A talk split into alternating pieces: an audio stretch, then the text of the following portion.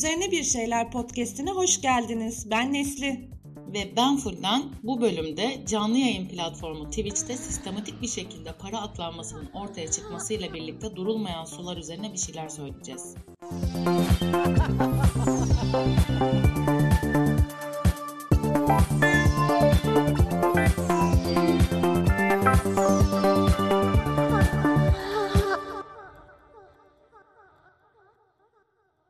Nesli'cim kendine ilk kez ya ben genç değilim artık galiba dediğin zamanı hatırlıyor musun? Hoya yol. Yaşlı mı demek istiyorsun sen bana? e, toparlayamadım soruyu. Sen ya da bana cevap ver. Ne zaman kendine ilk kez ya ben genç değilim artık galiba değilsin? Hmm, yani şey olabilir. Hmm, içki içilen gecelerin ertesi gününde artık eskisi kadar dinç kalkamıyoruz sanırım. Beş gün yatman gerekiyor baş ağrısından falan. Yani beş gün olmasa da hani ertesi gün pek hoş olmuyor diyelim. Sen ne zaman hissettin ilk genç olmadığını? Ee, bunun cevabını vermek bile ne kadar genç olmadığımı bir kanıtı olacak ama söylüyorum. Ee, Snapchat'in popüler olduğu ilk zamanlar hissetmiştim bunu. Yani Snapchat'in mantığını yıllar önce Instagram kopyaladı ve bugün artık hayatımızda hikayeler var ve çoğumuz aşinayız bu mantığa ama ben sadece Snapchat varken e, henüz Instagram bunu aşırmadan önce bir türlü akıl sır erdiremiyordum. Niye 24 saatte kaybolan bir şey paylaşıyor ki insanlar diyordum. Bir de üzerine böyle yazı yazıyorlar. İşte ne alaka çok saçma duruyor falan diyordum. Şu an o aklı beş karış havada aşk kuşku estetiğinin kölesiyim. O ayrı ama o zamanlar anlamıyordum 25 yaş altı kitlenin bu ayıla bayıla kullandığı Snapchat olayını. Ve köpek filtresini. Ay evet bir ara herkeste köpek filtresi vardı gerçekten. Ee, ve o zaman demiştim işte o köpek filtrelerinin arasında ne oluyor ya falan derken e, Fuldencim sen artık genç değilsin. Sosyal medyadaki şeyleri anlamıyorsun. Bankalar sana özel kredi kartı vermiyor artık. Esnaf her zamankinden daha hızlı abla, diyor sana. Boş ver gülüm anlamaya çalışma demiştim. Ee, işte o zaman Snapchat'le ilgili hissettiğim şeylerin birebir aynısını e, Twitch platformunu ilk kez duyduğumda da hissetmiştim. Yani eminim çok iyi, güzel ve özel bir mecradır ama oradan da eksik kalıvereyim demiştim. Ben senin kadar uzak değildim Twitch'e. Yani gamerların bir platformu olduğunun e, farkındaydım. Benim de dikkatimi daha çok siyasiler kullanmaya başlayınca çekti. Mansur Yavaş bir ara bayağı memur gibi sabah 9 akşam 5 Twitch mesaisi yapıyordu hatta. Bir de çiçeğim, güzeller güzelim, ömrüm, aslan yelesi saçlım, inci tanem Alexandria Ocasio-Cortez çok Twitch yayını yaptı. Ee, kısaca EOC olarak da biliyor olabilirsiniz kendisini. ABD'de kongre üyesi. Ben kendisine duyduğum e, derin hayranlıktan dolayı yayınlarını izlediğimde bir ufaktan anlamıştım işte Twitch'in nasıl bir platform olduğunu. Hangimiz hayran değiliz ki EOC'ye? Çok Neyse. Aslında yolu internet kafeye bir kez bile düşmüş birinin çok rahatlıkla anlayabileceği bir yer Twitch. Nasıl ki çocukken internet kafeye gittiğimizde iki sıra koltuğu counter oynamaya gelenler kapardı. Oynarken de sürekli birbirlerine bağırırdı. Oradaki ortamın bir benzerini Discord diye bir platform oluşturdu anlık olarak ses paylaşılabilen, dolayısıyla oyun oynar, oynanırken o kolektif ses paylaşma imkanını veren bir yer Discord. E, Twitch'te Discord'un YouTube'u gibi diyebiliriz. Çünkü Twitch'te canlı şekilde izliyoruz oyun oynarken yayın yapanları. Ya da illa hani oyun oynamasına da gerek yok. Herhangi bir şey yapabilirler. Dizi izleyip yorum yapabilirler. Sohbet edebilirler. Yani istersen şarkı da söyleyebilirler Hı-hı. falan ama e, esas olarak bir oyun yayıncılığı platformu Twitch. E, Discord bana böyle sakin bir bar, işte müdavimleri olan, akşam herkesin geldiği, sohbet ettiği gittiği bir bar gibi. Twitch'te gösterişli, böyle şaşalı, anlı şanlı bir pavyon gibi geliyor. Neden bilmiyorum. yani Twitch'ten çok para kazanılıyor. Bir gazino solistinin aylık geliri kadar geliri vardır herhalde popüler bir yayıncının maşallah, belki. Maşallah. Daha bile fazladır hatta. Ee, Twitch yayıncısının kazandığı para ki bunların ne kadar olduğu aslında şu an ortalığa dağılmış durumda. Çünkü Ekim ayında Twitch hacklendi. Ee, platformda bu hacklenmeyi doğruladı ve platformda yayın yapan tüm yayıncıların ne kadar gelirleri olduğu, takipçileriyle etkileşimlerinin ayrıntıları gibi kişisel bilgiler yayınlandı. E tabi buna Türkiye'deki yayıncılar da dahildi. E, bu arada ben bölümden önce biraz baktım işte e, Twitch yayıncılarının ne kadar kitlesi var da bu kara para aklama olayı bunca büyüdü ve gündem oldu diye. E, 2020 yılında en çok takipçisi olan yayıncının 2.19 milyon takipçisi varmış. İlk ondaki e, yayıncıların da takipçi sayıları neredeyse 1 milyondan başlıyor. Yani bu kadar büyük bir kitleye doğrudan hitap eden e, yayıncıların olduğu bir platform Twitch. Doğrudan derken de şunu kastediyorum. Tabii ki her sosyal medya platformunda doğrudan kitlesine ta, e, hitap edebiliyor. E, hı hı. Influencerlık mantığı da oradan işliyor zaten ama Twitch'te insanların e, ilgi alanlarıyla ilgili bir platform var.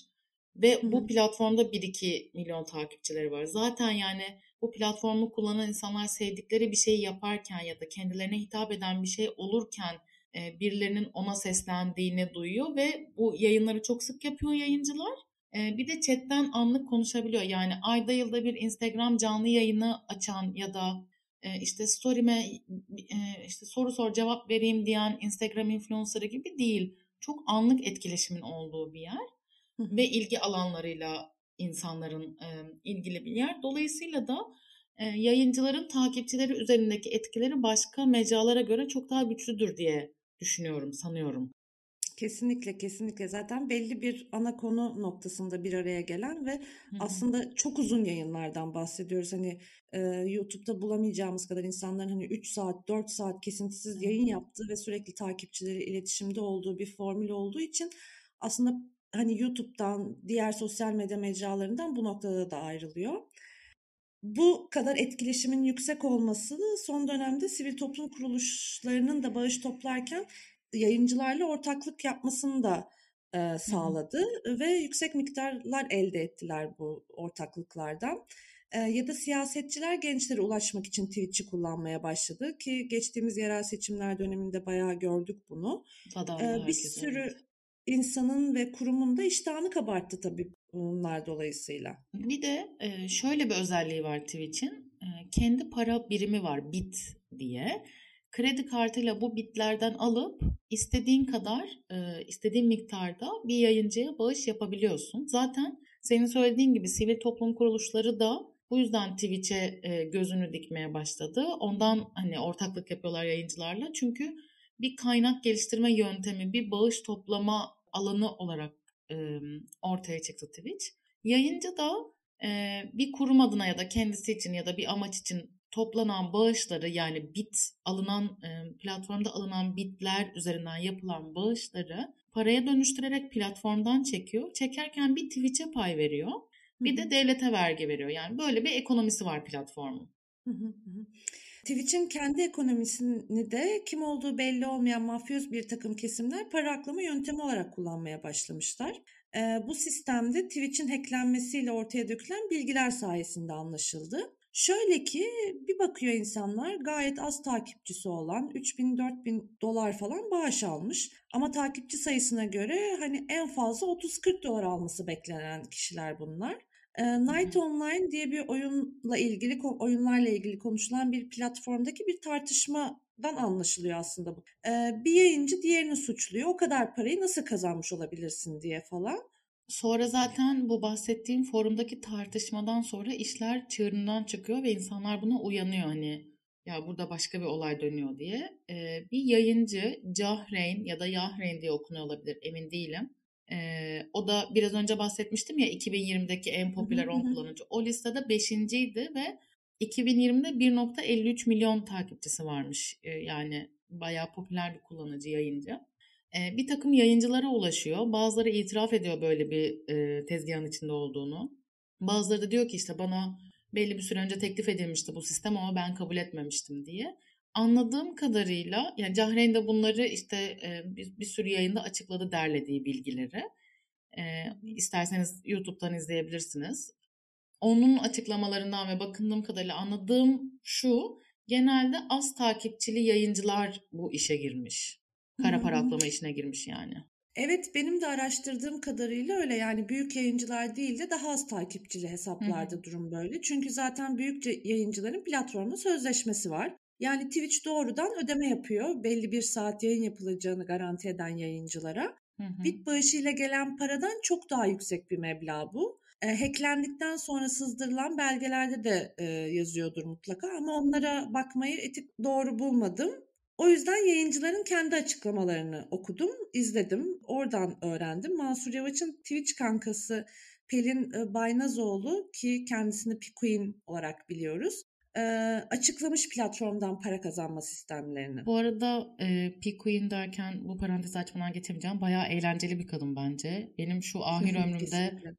tutkunu olduğum yegane dizi olan Aşkı Memnu'yu yorumladığı yayınlara denk gelmiştim. Gerek Behlül Cibiliyetsizliğine seri sövmesi, gerekse de gönlümüzün sultanı Bihter'ime duyduğu derin sempati beni kendisine yakınlaştırmıştı. Bu arada her bölüm bir yenge övüyoruz. Geçen bölüm Ferhunde Queen övmüştük. Şimdi de Queenler Queen'i Bihter'i almadan geçmiyoruz. Benim için bir şereftir, gurur nişanesidir yenge sevdası. Onun adı yengecilik canım. Yani tamam takılmayalım terimlere. Ha yenge sevdası, ha yengecilik. Neyse. Ee, yenge menge derken benim kafa gitti. Nerede kalmıştık? bir Queen'i sevdiğini söylüyordun canım. Heh, evet şunu diyecektim. Ee, Pikuin de bu kara para atlama sistemine karşı bayağı ses çıkaran isimlerden bir tanesi oldu. Tam da böyle bir yayın esnasında yani işte bu kara para aklama sistemi nasıl çalışıyor bunu anlattığı bir yayın esnasında chatte birileri Pikuin'in kimlik bilgisi, adresi, telefonu gibi kişisel bilgilerini paylaştı ve kadın haklı olarak yayında çıldırdı. Yani resmen gözdağı verdiler. Bu konu hakkında konuşma bilgilerini yayarız dediler. O da canlı yayında hem tweet attı durumu hem de e, Twitch'e bildirdi bunu. Ama sonucu ne oldu bilmiyorum. Yani Twitch'in bir herhangi bir şey yapmadığını e, duymuştum Hı hı. ben.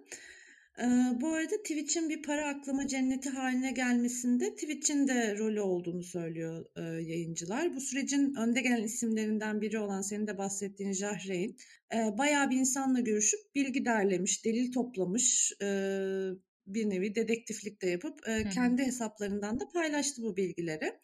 Hatta CHP milletvekili Gürsel Tekin Jahreyn'in açıklamalarını meclis gündemine de taşıdı. Ee, şey de Cumhuriyet Başsavcılığı da soruşturma başlatmıştı sanırım değil mi? Evet, evet. E, Jahreyn de elindeki bilgileri paylaşabileceğini söylemişti. Zaten kendisi ve pek çok yayıncı da hukuki bir işlemin yürütülmesini gerek yürütülmesi gerektiğini söylüyor.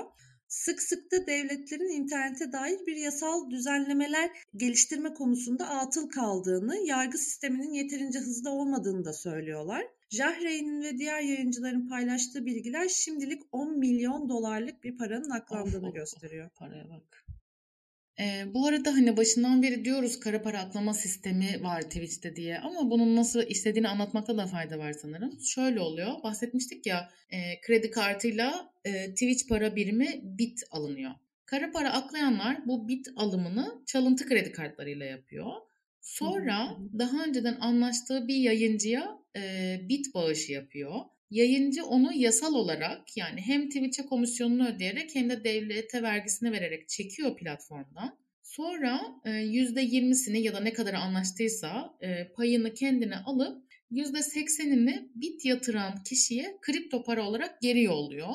Böylece çalıntı kredi kartından giren para aklanmış olarak dışarı çıkıyor geri Hı hı. ve tekrar e, e, şey izlenemeyen kripto e, para olarak yatırana geri dönüyor.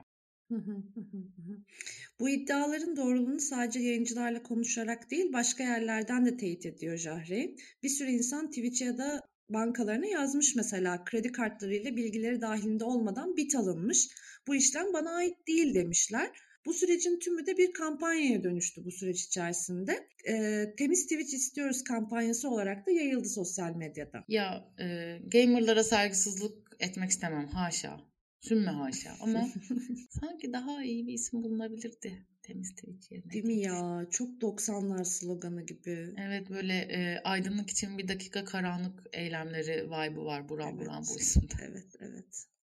Neyse yine de Neyse. gamerlara saygımız sonsuz. Asla kusur etmek istemem. Asla bir gamer'ın diline düşmek istemem. Çok saygı duyduğum bir kitle. Sus Fulda. Neyse. Bir yandan da şöyle bir sorun var. Hmm, Devletin regüle ettiği bir alan değil herhangi bir kripto paranın kullanıldığı hı. mecra. Ama mecranın kendisi de pek bir şey yapmadı. Bu kadar olay o, e, ayyuka çıktığında yani Twitch'ten Hı bahsediyorum. hı. Eee, o yüzden de çok fazla kullanıcı ki az önce bahsettiğimiz Jahreyn ve onun arkadaşları ve pek çok başka yayıncı da Twitch'ten ayrılma kararı aldığını açıkladı. Bu oldukça büyük bir karar yayıncılar için. Çünkü bu insanların ana gelirlerini kazandıkları mecra Twitch. Şimdi buradan ayrılacaksın, yeni bir yere geçeceksin ki birçoğu YouTube'a devam ediyor bildiğim kadarıyla. Yeni mecraya alışmak bir mesele. O mecraya e, Twitch'te kurdukları kitleyi getirmesi, orada etkileşimini sürdürmesi bir mesele. Kazançlarının nasıl olacağı bir mesele. Yani ciddi farklılıklar olur herhalde diye düşünüyorum kazandıkları parada. Muhtemelen muhtemelen yani hani pek çok konu var cidden düşünülebilecek. Evet. Yani kolay ee, asla kolay bir karar değil e, yayıncılar için bunu yapmak. Hatta kesinlikle. bayağı zor bir karar. Hı hı. Ki pek çoğunun Twitch'te hali hazırda sözleşmeleri olduğu için de e, bir taraftan da çat diye de ayrılamıyorlar. Ee, bu kadar İhbar olayın sürelerini için... verip ayrılıyor gibiler.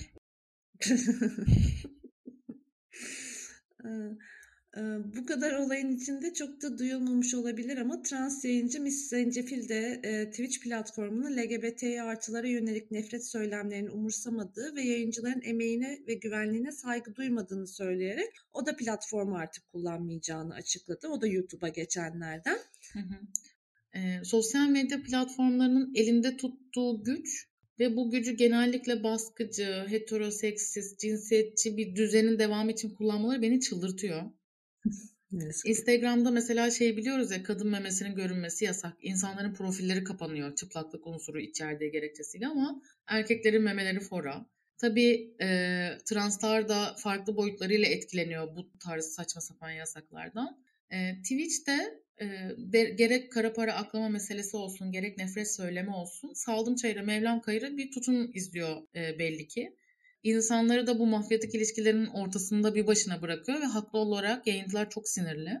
Hepsi de kendince benim gördüğüm kadarıyla hani çok yakından tanıdığım, takip ettiğim insanlar değil ama bu olayı araştırırken fark ettiğim üzere hepsi kendince elinden geleni yapıyor, araştırıyor, tehdit alıyorlar, kendi avukatlarıyla bir şeyler başarmaya çalışıyorlar. Hı hı hı. Hem böyle bir atmosfer var bir de Miss Zencefil'in söylediği üzere bir de nefret söylemiyle sistematik olarak uğraşırken yalnız bırakılmak ayrıca kendisinin sinirlerini yıpratmış olmalı diye düşünüyorum. Ve geçmiş olsun diliyorum böyle bir şeye maruz kaldığı için. Katılıyorum, katılıyorum. Evet, e, yani zaten pe- pek çok sosyal medya mecrasında, tabii buna Twitch'te dahil LGBT artılar sürekli bir e, nefret söylemiyle karşı karşıya kalıyor ve bir meme ucu e, kadar e, mecraların ilgisini çekmiyor ne yazık ki bu meme durum. Meme ucu kadar yapacağım şunu da söylemeden geçmeyeceğim. Temiz Twitch kampanyasının en önemli taleplerinden biri de bir yasal düzenleme çıkarılması. Hı hı. Ama ne yazık ki Türkiye'de yaşadığımız bu söylem dile gelince aklıma e, çarpıyor. E, genellikle yasalar bu durumların önüne geçmekten çok insanların sesini kesmeye e, ve sansür uygulamaya yarıyor ki e, geçtiğimiz senelerde çıkan sosyal medya yasası gayet bu şekildeydi. Evet, bunun bir kanıtı gibiydi. Aynen. Ee, o yüzden Temiz Twitch kampanyasının niyetinin ve taleplerinin sonuna kadar anlamakla birlikte bunun yasal ka- karşılığının hele de böyle bir siyasi iklimde istenenden çok farklı olabileceğini de düşünmeden duramıyorum.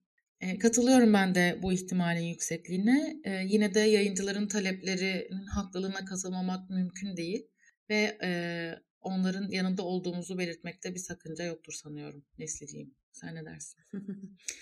E, tabii ki umarım e, yayıncılar hem Twitch'ten istedikleri taleplerin karşılığını alabilirler ve onlar da aslında hem takipçileri hem de kendileri Twitch'te e, daha hakları korunan bir şekilde yayın yapmaya devam ederler. Ha olmazsa da e, Twitch'e güle güle Twitch deriz. E, bize başka mecram yok der. Sevdiğimiz yayıncıları takip etmeye oralardan Aynen devam öyle. ederiz.